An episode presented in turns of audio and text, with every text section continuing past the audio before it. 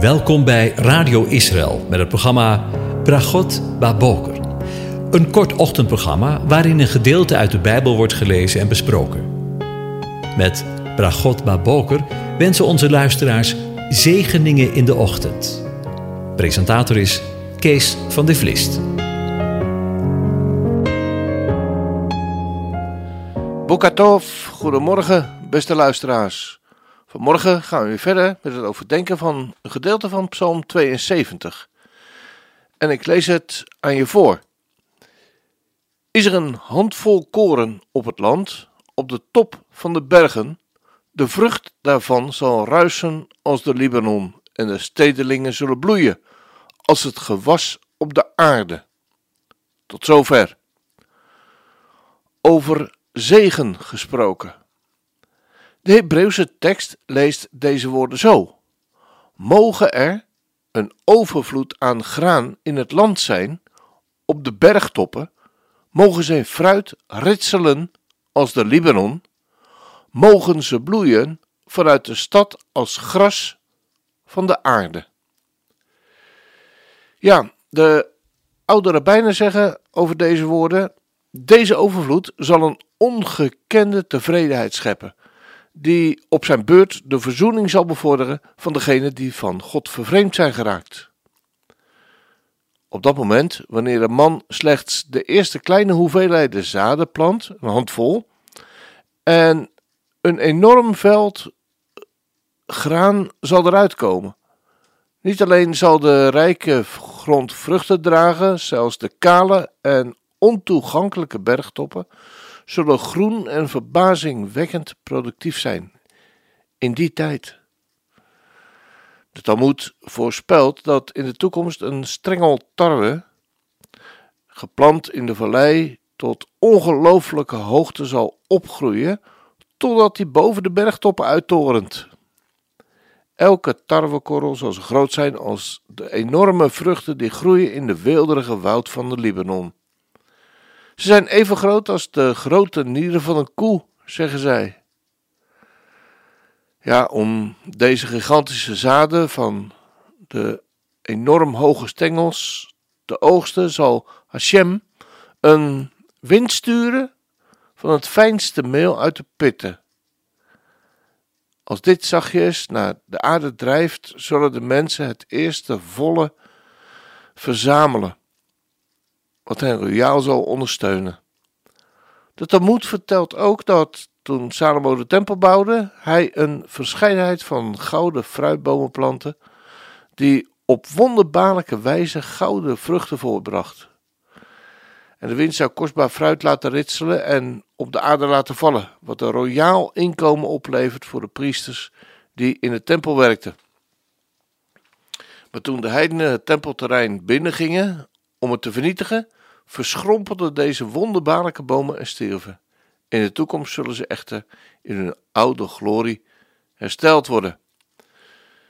En op dezelfde manier waarop de landbouwwonderen in de velden zullen bloeien, zullen de demografische wonderen in overvloed in de steden plaatsvinden. Een ongekende bevolkingsexplosie zal de stedelijke gebieden doen vullen met krioelende mensen, massa. Vooral Jeruzalem zal getuige zijn van een spectaculaire groei van hun Joodse bevolking. En Hitch merkt op dat David zich de heerschappij van zijn zoon voorstelde als een leidraad, die nodig was om de stad naar behoren te laten functioneren als de, als de basis van de samenleving. En hij wilde zijn volk zien gedijen in de stad, net zoals gras bloeit in de velden. In onze cultuur zijn de harmonie en schoonheid van de schepping duidelijker zichtbaar geworden in onbevolkte gebieden dan in de steden. Wanneer ons nationale leven echter wordt geleid met integriteit en zuiverheid en gebaseerd op de dienst van God, dan zal de, de stad meer adembenemende schoonheid en geestelijke kracht en pracht uitstralen dan enig natuurwonder van de fysieke wereld. De massa die toegewijd is aan de vervulling van de goddelijke missie, is echt het grootste wonder van God. Ja, dat is wat uh, de rabbijnen erover zeggen. En de verwachting die ze uitspreken over de tijd die binnenkort zal aanbreken, zeg ik er dan altijd maar bij. Ik heb er zelf eigenlijk niet zoveel aan toe te voegen. De tekst spreekt voor zich. Het zal een geweldige tijd zijn. Soms kun je er gewoon al naar verlangen. Juist ook in de dagen waarin wij leven. Een tijd van onrust, verwarring, ziekte, dood en opgeslotenheid, eenzaamheid, armoede. En zo kan ik de lijst nog veel en veel langer maken. Maar nog even volhouden hoor. We zijn er bijna, maar nog niet helemaal. Nog even, en dan zullen we de Libanon in Israël horen ruisen. Alle honger en dorst voorbij. De stedelingen zullen bloeien als het gras op de aarde. Niks geen opgeslotenheid en quarantaine meer. Geen avondklok meer. Vrij reizen, zonder groen paspoort. JHWH te vieren. Wat willen we nog meer? Jezaja, de oude profeet, zag het al helemaal voor zich en heeft het voor jou en mij opgeschreven, hoe dat eruit zal zien. Nieuwsgierig geworden? Luister maar. Blijdschap om de terugkeer van de vrijgekochten, is er boven dit hoofdstuk gezegd. En dan wordt hier gewoonlijk gesproken en openlijk gesproken over de terugkeer van het volk. En we zien het nu letterlijk al voor onze ogen gebeuren. Nou, luister maar wat hij schrijft. De woestijn en de dorre plaatsen zullen vrolijk zijn. De wildernis zal zich verheugen en in bloei staan, als een roos. Zij zal welig in bloei staan en zich verheugen. Ja, zij zal zich verheugen en juichen. De luister van de Libanon, let op, er komt de Libanon weer, is haar gegeven. De glorie van de Karmel en de Saron. Ze zullen zich, ze zullen zien de heerlijkheid van de Heere, de glorie van onze God.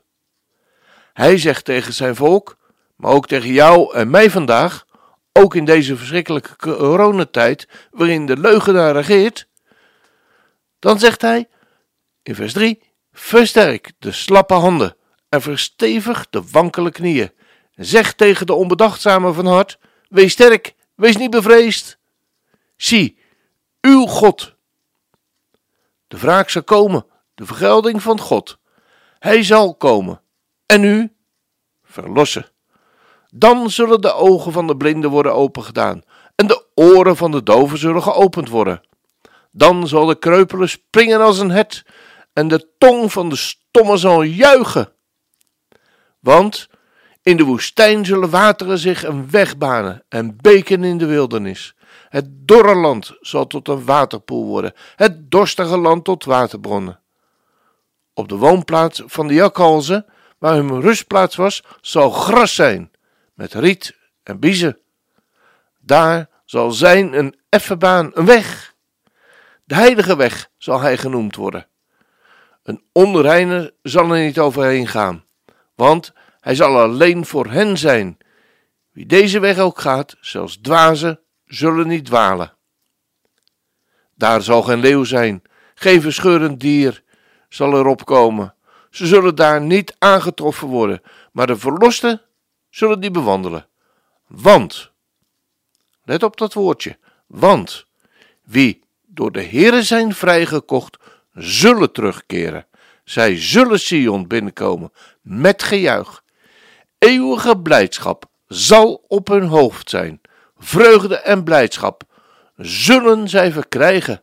Verdriet en gezucht zullen wegvloeien. Als dat geen zegen is. Ja, de woestijn zal bloeien als een roos, zegt, het, uh, zegt dit hoofdstuk. En de steppen zal juichen en jubelen, want het levend water van Gods geest maakt dorstig land tot waterbronnen. Sta op, Sion, Juich, want de Heere heeft u verlost. Want de lammen zal springen als een het, en de stommele, stomme zal jubelen en juichen. Daar gaan we naar luisteren. Uit opwekking 388.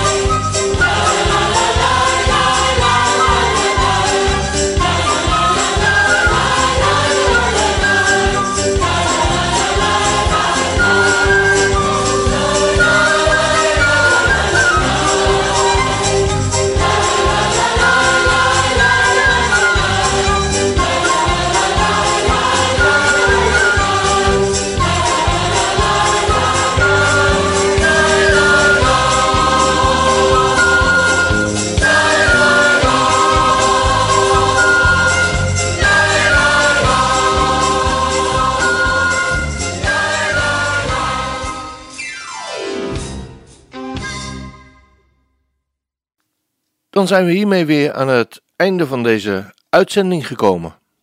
Ik wens je een van God gezegende dag toe.